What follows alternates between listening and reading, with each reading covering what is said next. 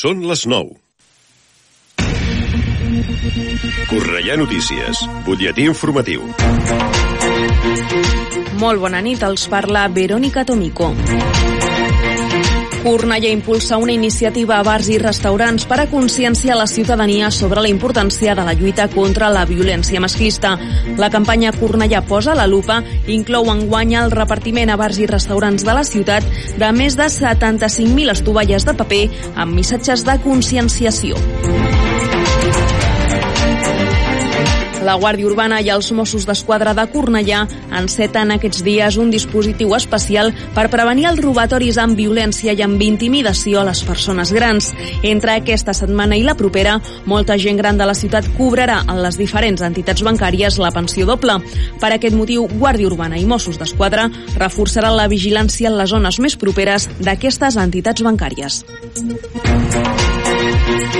50 treballadors i treballadores de les instal·lacions esportives públiques de gestió privada de Cornellà se sumen durant la jornada de demà a la vaga convocada pels sindicats arreu de Catalunya. Les plantilles del Parc Esportiu Llobregat, del Complex Aquàtic i Esportiu de Can Mercader i de Can Millars protestaran per la proposta salarial que els ofereix la patronal.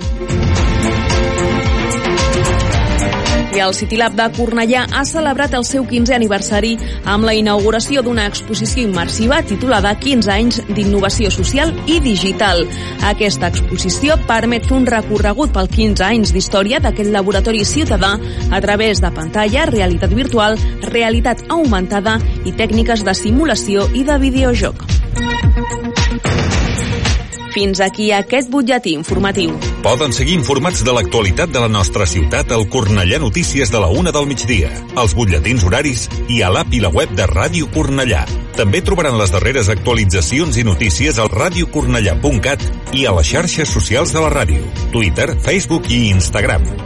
Ara el temps. Connectem amb l'Agència Estatal de Meteorologia. Bona nit. El pronòstic per Catalunya demà dijous serà de clarianes al matí i cobert la segona meitat del dia.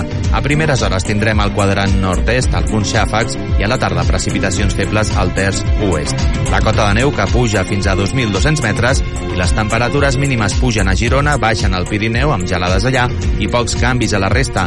Les màximes baixen al Pirineu i la depressió central de Lleida i sense canvis a la resta. Així doncs, les màximes seran de 19 graus a Barcelona i Tarragona, 18 a Girona i 16 a Lleida.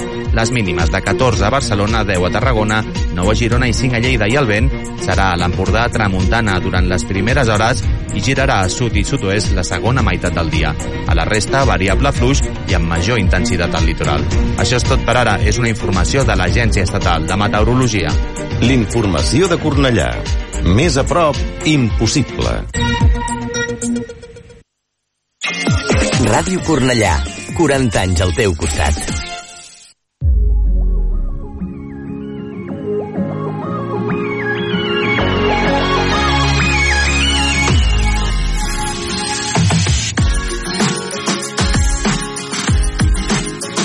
Ara comença Let's Go Creu Roja, mitja lluna roja i cristal roig, amb el patrocini de Conxeroria Montserrat.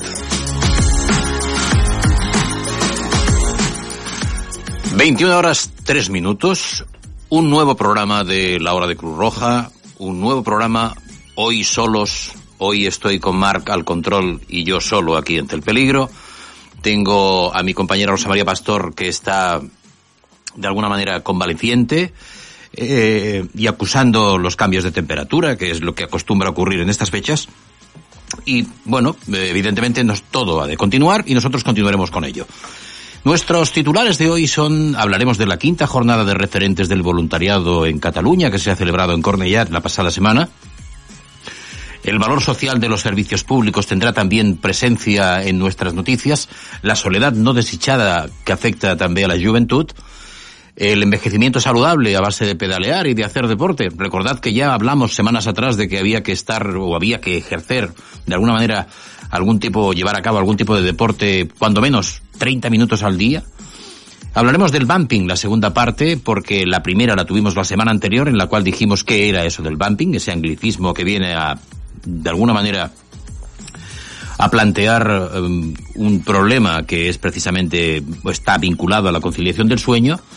Tendremos la presencia, como cada semana, con las adivinanzas de nuestra compañera Olga Giorgi. Hoy una nueva adivinanza. Mm, resolveremos la de la semana pasada. Y también con nosotros estará la doctora psiquiatra Marían Rojas Estape, que nos hablará del sentimiento de culpa. Reflexiones y muchos comentarios. Y ahí, eh, de alguna manera, finalizará nuestro programa hasta la semana próxima. Estos han sido los titulares. Estas son las noticias del día de hoy i estos són los consejos. No t'imagines com de valuós pot ser un gest a la teva empresa. Un somriure que motiva, un senyal d'aprovació que orienta, una compressió al pit que ajuda a recuperar una parada cardiorespiratòria. Ensenya al teu equip els gestos més valuosos. Informa't i contracta els cursos de primers auxilis per a empreses a cruzroja.es o al 902 22 22 92. Aprèn a salvar vides. El passat dia 17 de novembre, es va celebrar al City Lab de Cornellà de Llobregat la cinquena jornada de referents de voluntariat de Catalunya, que va comptar amb la presència de personal laboral i voluntariat de tota Catalunya. La trobada va començar amb la benvinguda de Xavier González, un director del City Lab, a tots i totes les presents manifestant a la Creu Roja la seva satisfacció per haver escollit el centre com a una ubicació per celebrar una jornada tan important per l'entitat. Jo, com a president de Creu Roja de Cornellà i la tinent d'alcalde de Polítiques Socials d'Igualtat i Salut, Joana Pinheiro, vam coincidir en l'agraïment a l'Assemblea Local i a la ciutat per haver escollit a Cornellà com, aquesta, com, a, com a seu de la jornada. Així mateix va haver intervencions del senyor Moisés Benítez, director del voluntariat de Creu Roja Espanyola, i Yolanda Gargallo, directora de voluntariat de Creu Roja Catalunya, L'objectiu de les jornades va ser la formació, com sempre. Com sabeu, Creu Roja considera la formació una eina que dona solidesa a l'estructura millorant les capacitats per portar a terme l'activitat de l'organització. Es va fer un taller sobre planificació estratègica i innovació, on es va determinar clarament l'objectiu davant dels possibles canvis i demandes de la situació actual social. El neurolideratge va ser un altre taller, conèixer el cervell i el paper que juga en el comportament de les persones, en les seves relacions, en el clima de cooperació, motivació i l'empoderament de les persones que formen a l'equip d'un projecte. La formació pràctica i el coneixement al voluntari per participar en totes les fases d'un projecte va ser un altre taller i, finalment, donar a conèixer i saber aplicar les noves tecnologies informàtiques, noves tecnologies que serveixen per millorar l'organització i la coordinació per ser més eficients en les nostres funcions com a voluntaris. Abans de formar-se els referents del voluntariat vinguts des de diferents punts de Catalunya, alguns es van retrobar, ja es coneixien, altres es van conèixer, es van interrelacionar i agermanar de manera que s'han establert els fonaments de qualsevol participació futura en els projectes d'ajuda a la Creu Roja de Catalunya.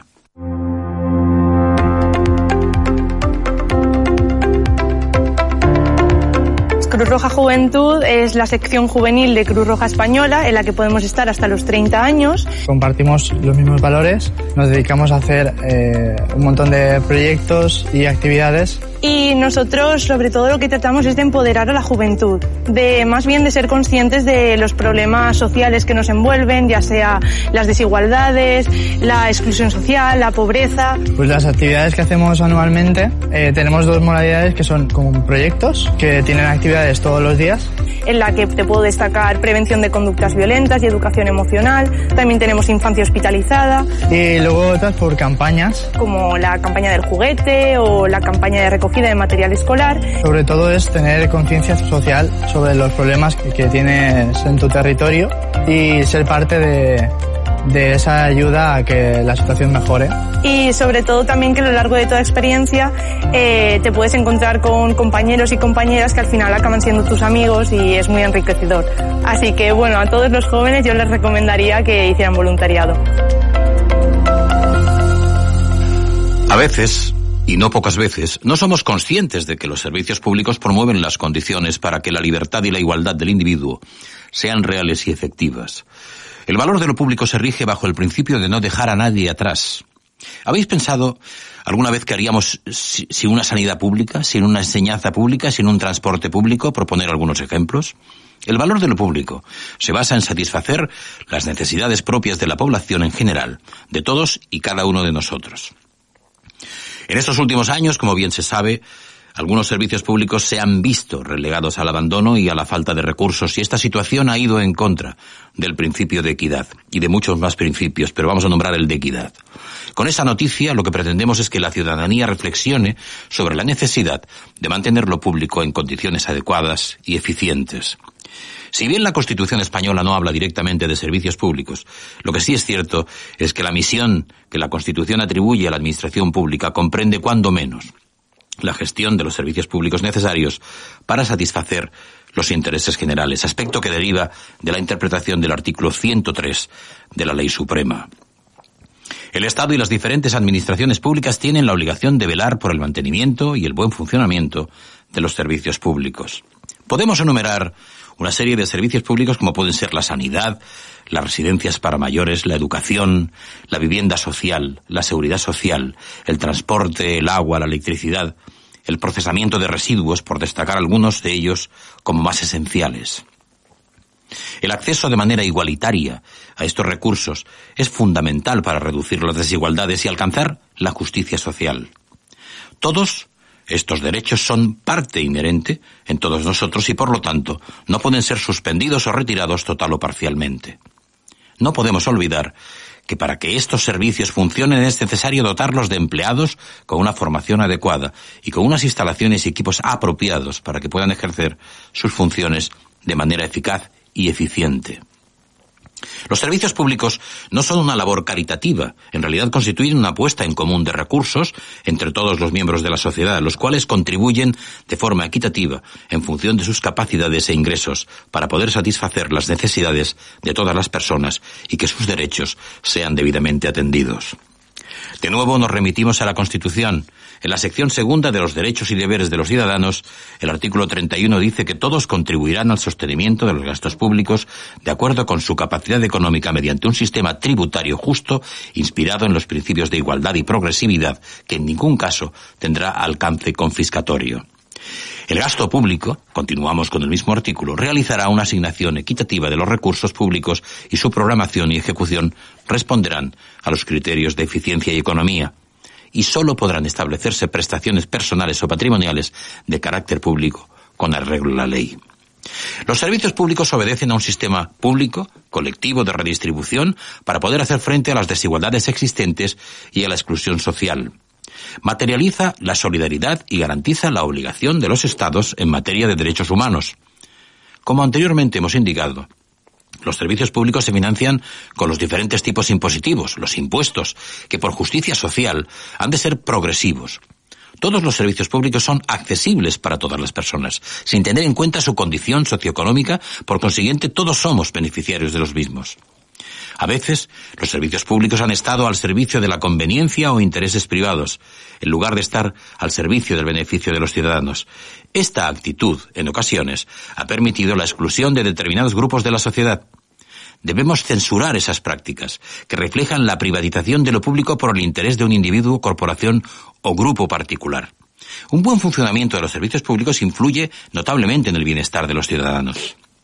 Una vez hecho el análisis sobre el valor que tienen los servicios públicos para la sociedad, el ciudadano también puede participar en la mejora de la gestión de sus servicios. En principio, la queja o sugerencia es una facultad pública que puede ejercer cualquier ciudadano ante cualquier desatención, tardanza o cualquier otro tipo de actuación irregular que observe. Una queja es una oportunidad de mejora, esta es la concepción que debe tener una organización cuando recibe quejas y sugerencias. Una queja siempre es valiosa, porque da información de primera mano sobre cómo es percibida por los usuarios la calidad de los servicios. Además, una queja siempre lleva implícita una idea de mejora que puede ser utilizada por la organización para adaptar sus servicios a las necesidades de los ciudadanos. Las quejas o sugerencias se pueden interponer en las oficinas de los organismos correspondientes. No obstante, no debemos olvidar que los ciudadanos tenemos unos derechos, pero también tenemos el deber de cumplir con las obligaciones que conllevan la prestación del servicio público. Debemos hacer buen uso de los servicios de manera racional y responsable. Debemos proteger y defender nuestros derechos y también promover nuestros deberes en pro de la justicia social y de los derechos humanos. Defendamos los servicios públicos. La No he perdut l'esperança de ballar aquesta dansa de la vida al teu costat. I quan menys ho esperava t'he trobat i ets casa escrivim una història sense fi. Anem teixint l'esperança d'amor i de fill, vivint i fent camí.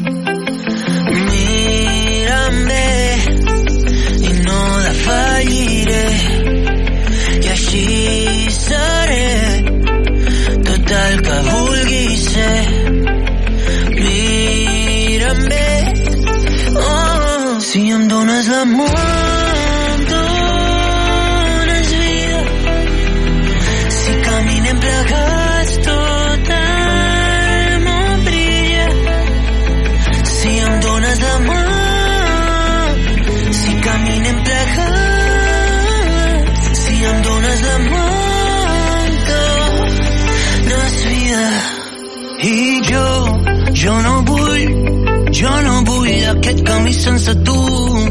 Quan m'abraces visc en tu. Tot allò que jo ja creia perdut. Perquè només sé del ser que t'estimo i que et necessito. Perquè ets casa i ets refugi on jo puc ser. Si em dones la mà vida. Si caminem plegats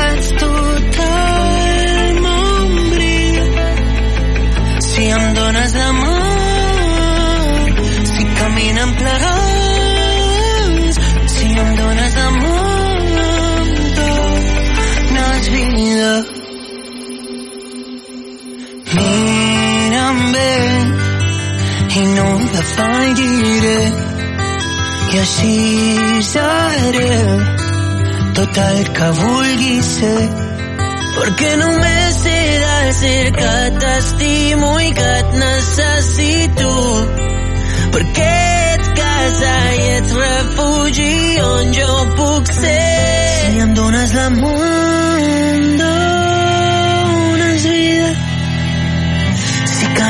plegats tot el món brilla si em dones l'amor si caminem plegats si em dones la mà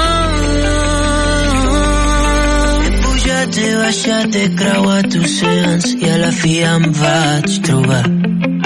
No he perdut l'esperança de ballar aquesta dansa de la vida al teu costat Creu Roja Catalunya va presentar el seu primer informe sobre soledat no desitjada. Crida l'atenció el cas del jovent. Només el 20% de les persones enquestades en aquesta franja consideren que no estan soles, el que vol dir que el 80% es consideren soles d'alguna manera. La soledat no desitjada no és una problemàtica que afecti únicament a persones grans, malgrat que la majoria d'estudis i els recursos per a pal·liar-la s'hagin centrat en aquest col·lectiu. Aquesta és una de les conclusions que s'estreuen del primer estudi sobre soledat no desitjada, presentat recentment per Creu Roja Catalunya, que a través de 1.511 enquestes realitzades en febrer a maig d'enguany llança importants dades sobre aquesta temàtica. Així, el 22,83 amb 83% de les persones enquestades es defineixen com a no soles, mentre que el 8 de cada 10, el 77 amb 17, experimenten algun tipus de soledat. Més de la meitat presenten una soledat moderada i un 21 amb 77% pateixen soledat greu o molt greu. Curiosament, els indicadors més alts d'absència de soledat, així com els més baixos de soledat greu o molt greu, corresponen a les persones grans. Per contra, els indicadors més greus de soledat es donen en grup d'edat entre joves de 18 i 29 anys, on només un 20, un 20 amb 25% es defineixen com no sols o no soles. Alguns altres aspectes que es llisquen de l'estudi és que existeix una relació directa entre soledat i vulnerabilitat, que impacta especialment en col·lectius que pateixen pobresa, exclusió o marginació social. L'entorn també és un patró a tenir en compte. Les persones que viuen en un entorn rural, el 13,43%, presenten uns indicadors de soledat significativament més baixos que les que viuen en ciutats o municipis grans. Quan a la manera de relacionar-se, 7 de cada 10 persones consideren que tenen suficient relació amb la seva família i amistats. La major conformitat es dona entre la gent que conforma el grup de major edat. Les formes més habituals són presencial, el 65% aproximadament, seguida de telefònica, un 29%, o virtual, les xarxes socials, amb un 6%, amb importants variacions dels percentatges entre les diferents franges d'edat. Més de la meitat de les persones consideren que viu sol o sola no és bo o té més inconvenients que avantatges, mentre que el 45% ho valoren de manera positiva. Aquesta aquesta soledat és la volguda, no és la no desitjada. La tecnologia es postula com una opció per a combatre en part la soledat no desitjada, ja que ofereix respostes instrumentals en forma de serveis i amplia les possibilitats d'interactuar amb altres persones.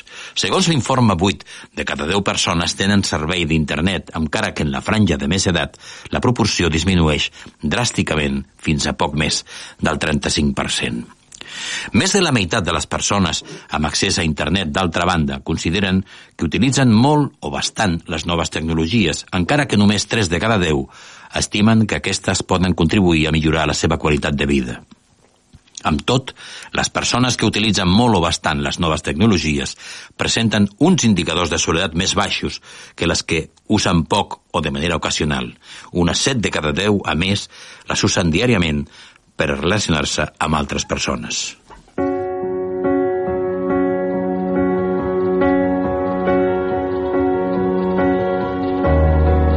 Ya no sé lo que duele más, si perderte o perderme yo, si al final te he fallado a ti o a mí. Ya no sé lo que pesa más si la mente o el corazón, si es el miedo a quedarme sola, volverá la soledad sin piedad, volverá a reprocharme tu adiós. Regresa pronto, no te despidas, deja las luces medio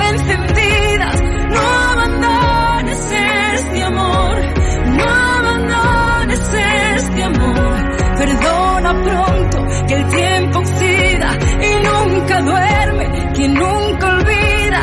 No abandones este amor, no me faltes tanto. La soledad, la soledad, la soledad duele.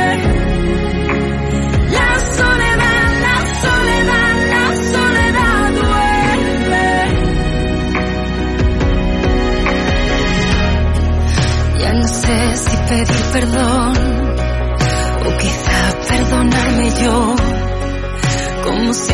una vida nueva.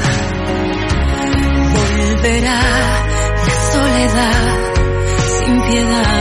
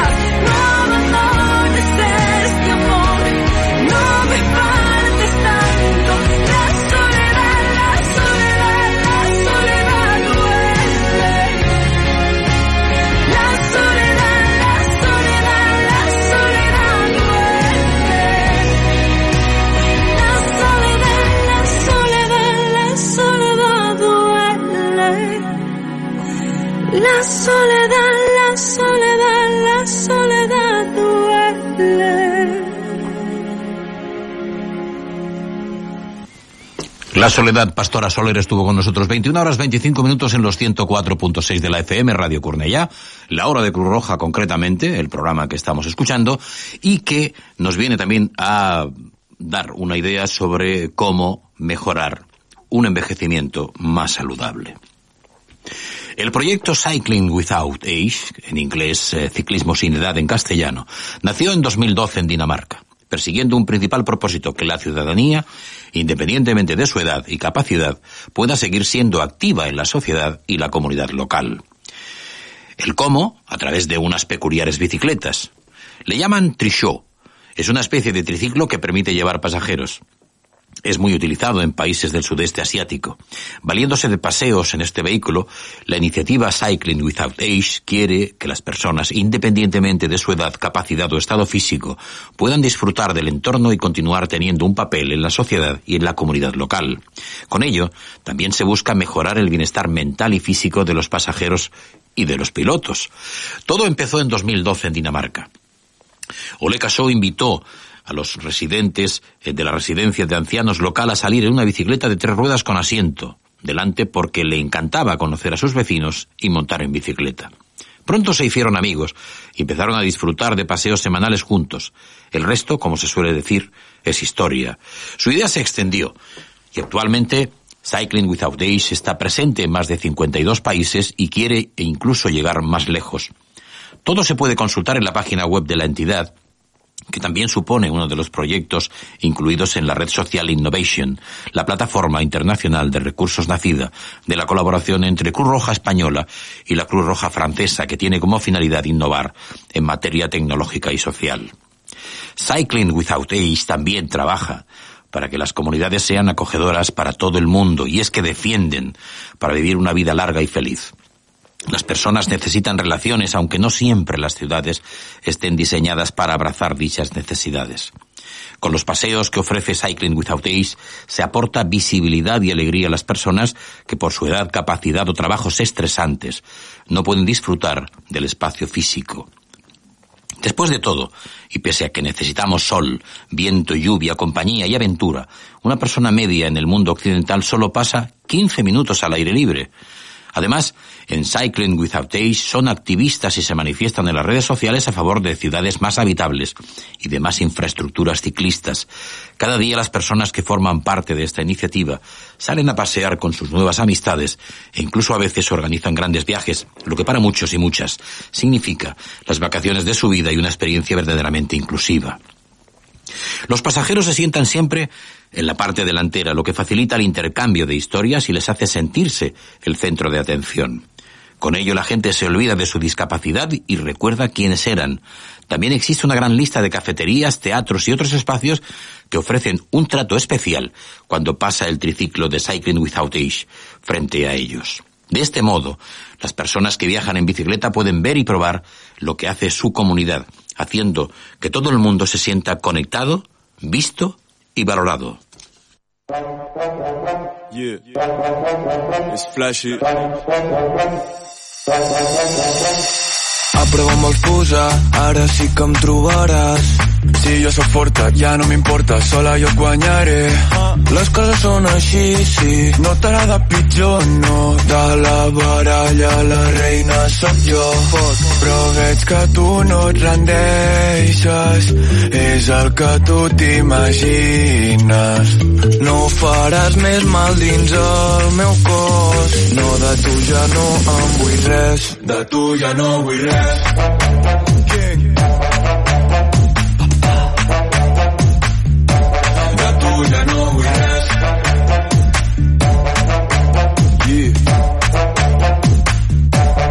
Tu ja no vull res.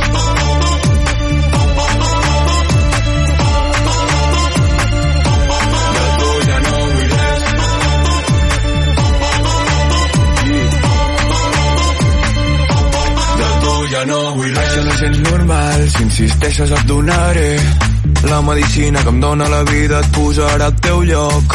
Va ser la perdició, tu ets la que a mi em va ferir.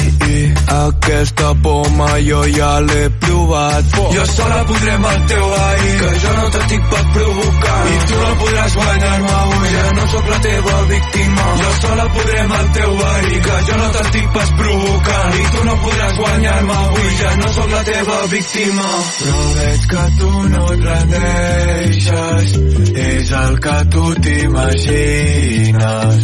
No faràs més mal dins el meu cos, no de tu ja no em vull res, de tu ja no vull res.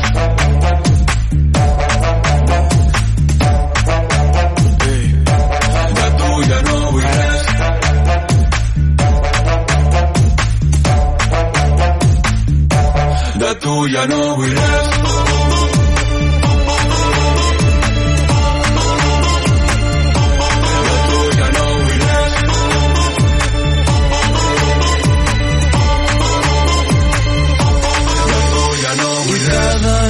Quan tot és irreal Ves amb compte dins de la foscor.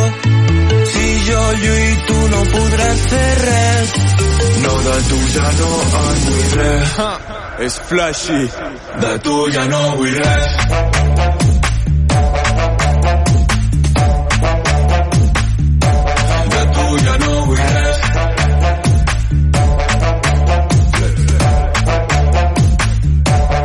De tu ja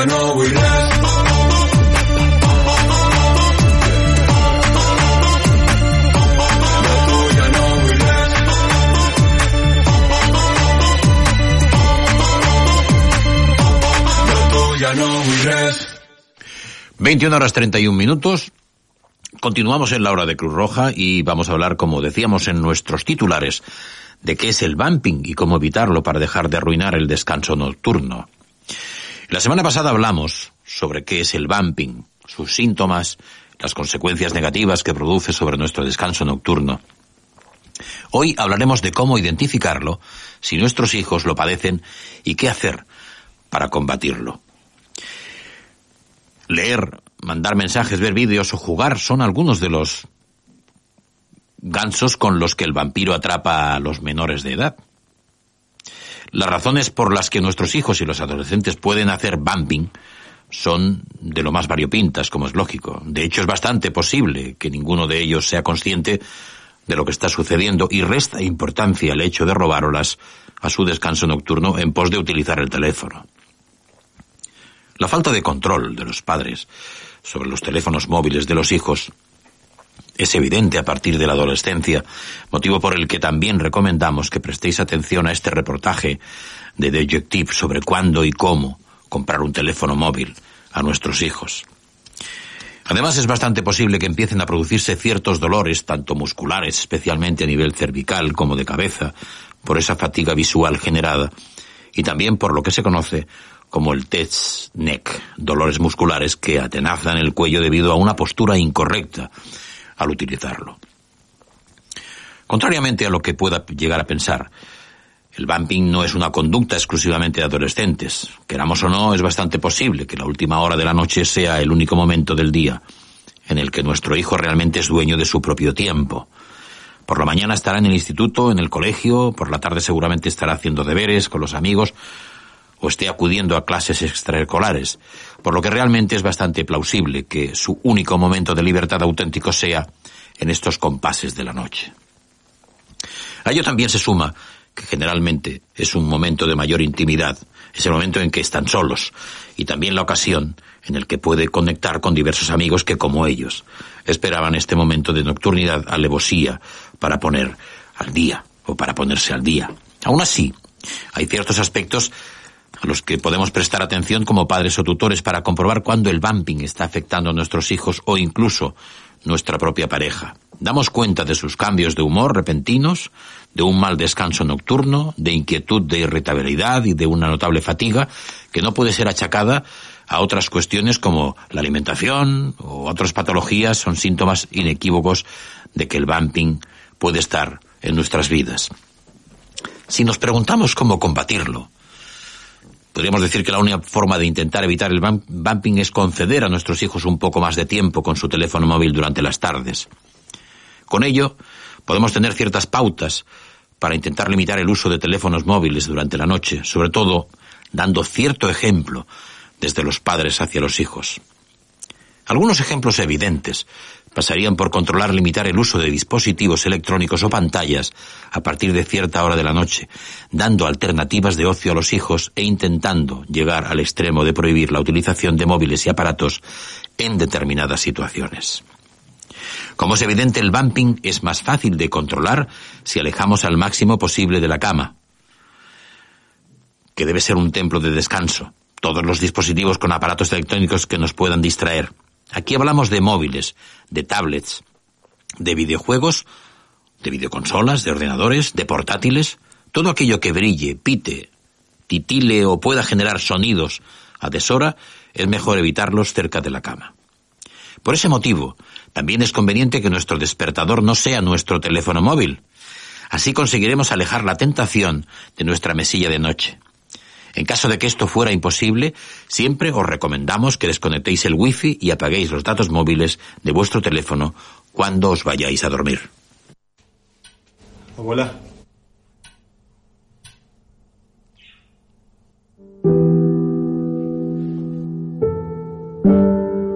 Las personas de nuestro entorno no siempre admiten que no están pasando por un buen momento emocional. Detectar que necesitan ayuda y animarles a pedirla es de valientes.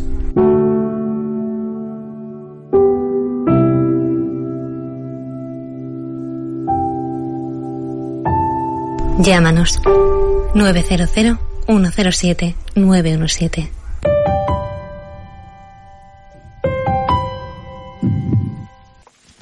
Como sabéis, llevamos dos semanas en las cuales en nuestra, tenemos la sección de nuestra compañera Olga Giorgi que nos habla de sus adivinanzas y la semana pasada tuvimos una, concretamente, que decía algo así como cuatro señoras graciosas que se reparten el año, una nos trae muchas rosas, otra nos empuja al baño, otra deshoja las hojas y otra se viste de blanco. Os dimos un teléfono, el 666 88 88 21 para darnos cuál es la solución. Nosotros os premiaremos por ello. Repito el teléfono 666 88 88 21 para dar la solución de la adivinanza. Y hoy tenemos una nueva adivinanza, que es la siguiente. Dime quién será un soldado tan poco animoso y fuerte que viene con lanza armado y si al contrario ha pasado, él mismo se da la muerte. Dime quién será un soldado tan poco animoso y fuerte que viene con lanza armado y si al contrario ha pasado, él mismo se da la muerte. Tienes que encontrar la solución. Tienes que enviarla en un audio al 666 88 88 21.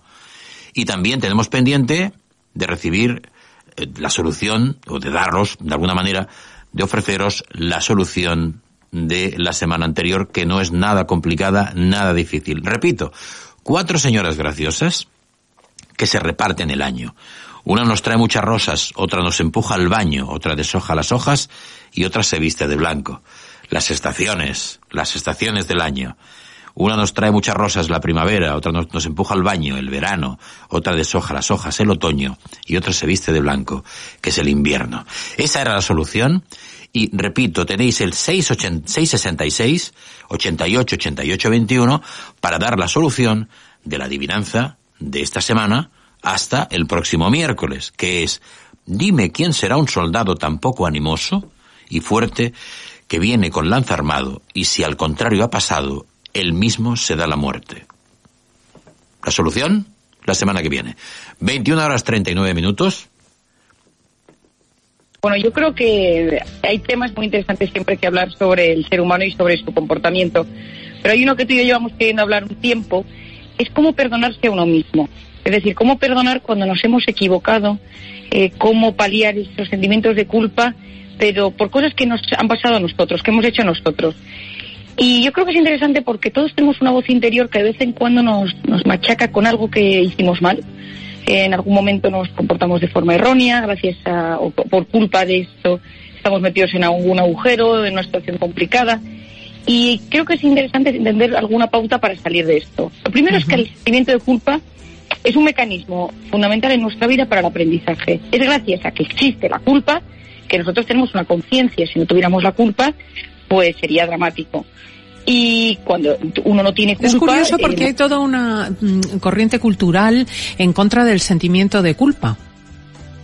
Efectivamente, pero es que la culpa no es que sea una corriente, es que es, una, es algo innato al ser humano. Forma parte de la naturaleza propia que tenemos cuando tenemos conciencia de que hay cosas que nos eh, hacen sentir bien y cosas que nos hacen sentir mal, tanto que hacen sobre nosotros o que nosotros hacemos sobre otras personas.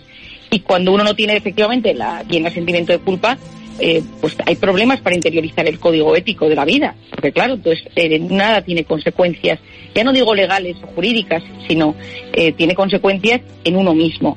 Y nosotros tenemos, cometemos errores, y estoy seguro de que si algún oyente está pensando ahora mismo en esto, sabe cuáles son las tres o cuatro cosas de su vida de las que se arrepiente constantemente o de forma puntual. Desde cómo gritas a tus hijos a haber invertido algo en un momento dado, haber comprado, haber tenido esta pareja. Es decir, todos cometemos errores a lo largo de la vida y hay un tema muy importante que es cómo eso afecta eh, avanzar. Porque en esta vida el éxito y el fracaso nos enseñan y nos convierten en la persona que somos. Pero para poder avanzar tienes que perdonar, porque si no te quedas perdonado, te quedas anclado en el pasado. Y parece una frase que me encanta, que siempre repito, que, que la felicidad consiste en tener buena salud y mala memoria. Yo la transformo en perdonar, eh, eh, ser feliz y perdonar es ir al pasado y volver sano y salvo. Y cuando vuelves, miras al pasado y ves que es pegajoso, que hay ese sentimiento de culpa, eh, angustia. ¿Y cómo te perdonas? Bueno, yo creo que lo primero es pensar que en ese momento lo hiciste lo mejor que pudiste. Es decir, había un contexto, había unas circunstancias, había una emoción. Estabas cansado, estabas irritado, estabas eh, ilusionado. Es decir, había una emoción que te llevó a, a, cometer ese, eso que hiciste que te tiene más o menos angustiado. Pero lo hiciste lo mejor que pudiste. Generalmente no había una mala intención. Y si había una mala intención, es decir, era porque algo había sucedido. Porque no, nadie se levanta por la mañana queriendo portarse mal. Es así como de un principio. Lo segundo es que si tú te perdonas y eres capaz de hacerlo, eh, te liberas. Es decir, el, la única persona que sale herida es la que se niega a perdonar. Y el rencor es un veneno, es un veneno de cortisol. Esto lo he explicado yo muchas veces, porque aquel que se queda anclado en el rencor se enferma. Pero estoy en consulta, tuve un caso hace unos años que siempre me impactó, persona muy rencorosa, que yo le decía, te vas a morir de, de tu veneno. Y efectivamente tuvo un cáncer al, al, año, a los dos años, y siempre me decía, Marian, esto fue porque no supe perdonar, ¿no? Y no supe ¿Y uno qué es perdonar de, de un veneno de cortisol? El veneno de cortisol, el cortisol es esta hormona que tenemos en nuestro organismo que se activa en los momentos de estrés, que es buena para luchar contra una amenaza, pero es mala cuando nos intoxicamos de ella, es decir, cuando la generamos a todas horas, cuando estamos todo el día con ella. Y esto nos inflama, eh, nos baja el sistema inmunológico, nos lleva a estar más tristes, deprimidos, irritables. Y eh, vivir con rencor hacia uno mismo o hacia los demás, lo que te hace es que te intoxica de cortisol. Y esto es un tema muy importante. Y luego eh, la culpa eh, no alivia ni al culpable ni al que está ofendido. Y por eso es muy importante que uno no tenga miedo de, de perdonarse y hacerlo. No, no es fácil, ¿eh, Cristina? De esto te estoy hablando y no siempre es fácil. ¿Por qué? Porque a veces tienes que asumir que lo que sucedió pues, pues fue real. Y a veces tienes que hablarlo y decir, bueno, pues realmente es que esto fue la realidad, me equivoqué, eh, que confié en esta persona, pensé que esto era lo mejor para mí, eh, había bebido alcohol y entonces cometí este tema que no lo habría hecho por probablemente sobrio. Y uno tiene que aceptar la verdad. Aceptando la verdad y entendiendo qué había detrás de ese momento, y que todos, dice tal Ben Shahar, que es el psicólogo más famoso de Harvard, tiene una asignatura sobre la felicidad y es la asignatura que más lista de espera tiene en Harvard. Y todo su pensamiento radica en una idea, y es que nos equivocamos, que hay que aceptar el derecho al error y a la imperfección para ser felices. Y que gran parte de lo que nos está sucediendo es que no nos perdonamos a nosotros ni a los demás. Y hoy en día eh, él lo, lo reafirma en su clase cuando uno entiende que se va a equivocar, que se equivoca a lo largo de su vida, que comete errores que, y que y se levanta y sigue adelante porque esto es la vida, equivocarse y levantarse y seguir. Porque repito, es que si no te perdonas, te quedas anclado en el pasado y no eres capaz de avanzar en la vida. Y por lo tanto, aceptar que siempre va a haber errores y que siempre nos vamos a equivocar. Y Cristina, sí que antes de terminar me gustaría, porque hay gente que se culpa por todo, y me voy al otro extremo. Es decir, hay gente que no siente que es culpable por casi nada, cambio hay gente que cualquier pequeño fallo le genera un sentimiento de culpa atroz, porque no iba a visitar a mi madre. Sí, sí, hay gente que se lacera y se, y se eh, latiga. Efectivamente, hay gente que si trataste mal a tu hijo, te sientes mal. Si no has entregado el trabajo eh, eh, como crees, te culpas. Si no has engordado, o sea, no has adelgazado lo que tenías que haber adelgazado, te culpas. Si no has cubierto las metas que tenías propuestas, te culpas. Y el problema es que la culpa es una voz interior que te machaca. Y esa voz interior es una voz que yo lo llamo la voz comentadora del pensamiento, que te va diciendo las cosas. ¿Qué has hecho, no has hecho, has dejado de hacer? Y hoy en día sabemos esa voz interior tiene un impacto directo en la salud.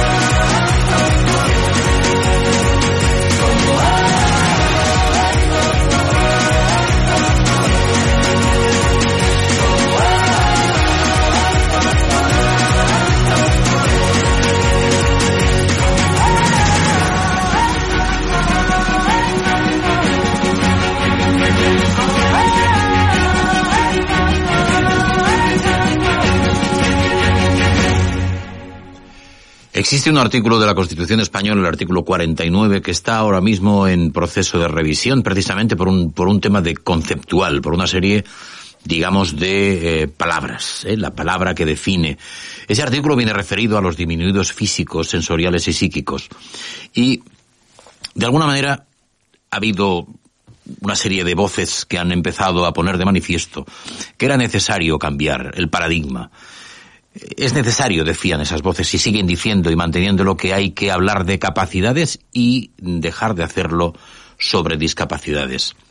Las palabras importan y el lenguaje utilizado para de describir a los determinados colectivos de nuestra sociedad es muy importante.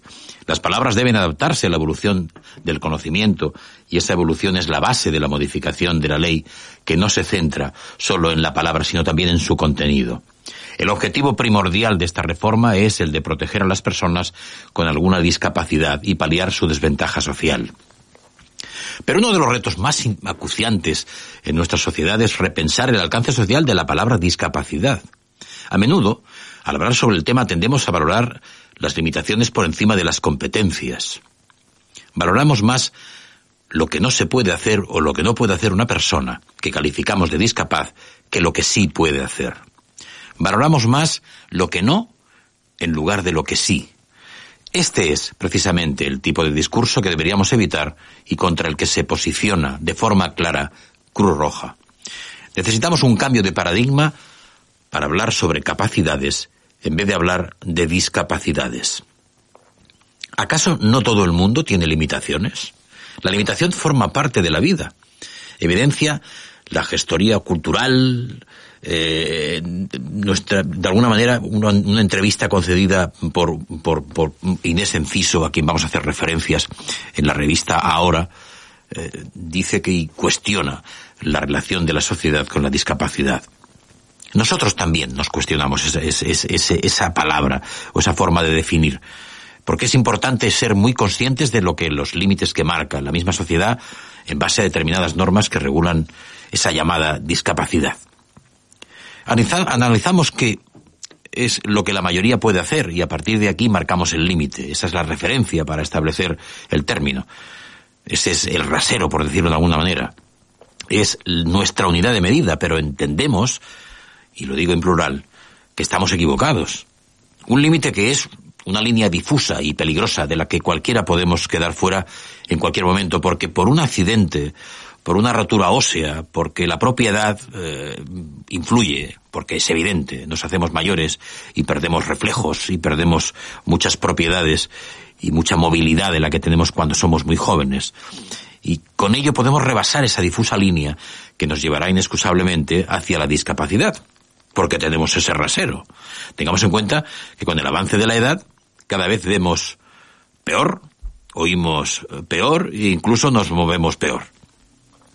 Las barreras que se encuentran o que encuentran las personas con discapacidad no son solo físicas, presentes en el entorno, sino que también proceden de la valoración de nuestra capacidad que realiza la misma sociedad. En nuestras manos está cambiarlas. Reducir las barreras significa mitigar la discapacidad y solo por eso merece la pena ser conscientes de ello y procurar tenerlo en cuenta. Esta decisión de remar toda la sociedad en una misma dirección más inclusiva parece más que evidente, pero no siempre se hace con la velocidad que nos gustaría. Las personas con discapacidad siguen componiendo un colectivo especialmente afectado por situaciones de desigualdad y discriminación. La inclusión de personas con discapacidad significa entender la relación entre la manera en que las personas funcionan y cómo participan en la sociedad, así como garantizar que todas tengan la misma oportunidad de participar en todos los aspectos de la vida al máximo de sus capacidades y deseos. La inclusión es lograr que todos los individuos o grupos sociales puedan tener las mismas posibilidades y oportunidades para realizarse como individuos, independientemente de, sus características, habilidades, discapacidad, cultura o necesidades de atención médica. Una sociedad inclusiva es donde todos los individuos o grupos sociales tienen las mismas oportunidades y reciben apoyo para acceder a todos los medios.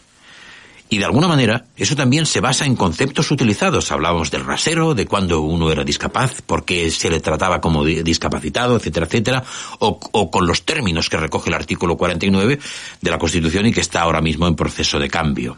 Términos como es disminuido físico, disminuido sensorial, disminuido psíquico. Es decir, nos hemos de plantear el no decir disminuidos. En principio la discapacidad es una circunstancia o estado de la persona. Todo el mundo tenemos dificultades para hacer alguna cosa u otra, ya lo hemos referido, no somos nadie perfectos. Y por tanto, entendemos que se debe llegar a cabo el que eh, no exista la discriminación ya desde el punto de vista puramente del lenguaje y que acabe siendo una discriminación también en el aspecto, digamos, de los hechos y de la, y de la realidad. La obligación de los poderes públicos es desarrollar políticas que garanticen su libertad de elección y las preferencias y concretamente ahora el artículo 49 o el proyecto de cambio habla de personas con discapacidad son titulares de derechos y deberes previstos en el título eh, y, en condiciones de libertad e igualdad real y efectiva para que no se produzca la indefensión y la discriminación. Eso es lo que nos lleva precisamente a cambiar. Eso es el cambio de paradigma que necesitamos y que proponemos desde Cruz Roja. 21 horas 55 minutos y seguimos con este programa agotando ya nuestro tiempo.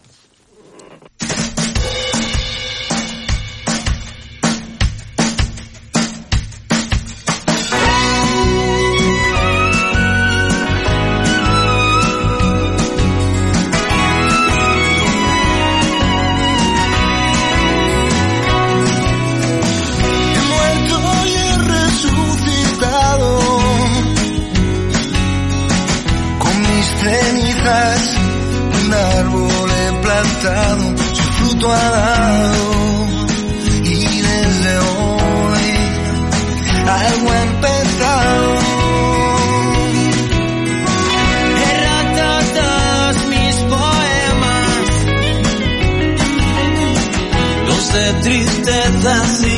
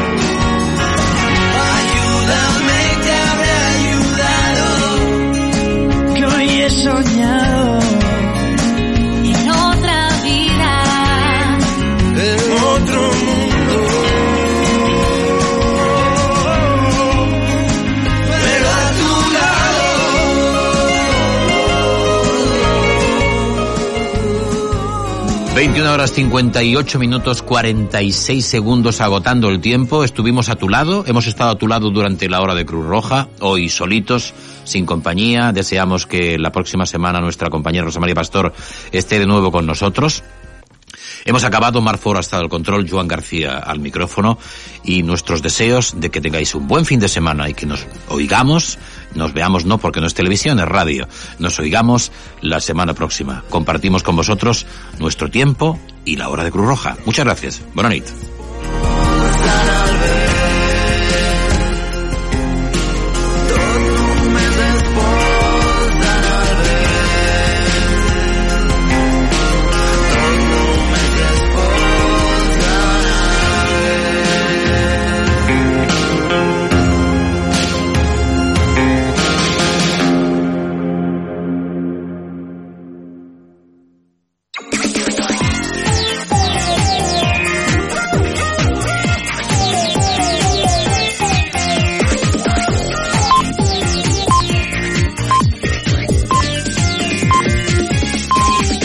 Les 10.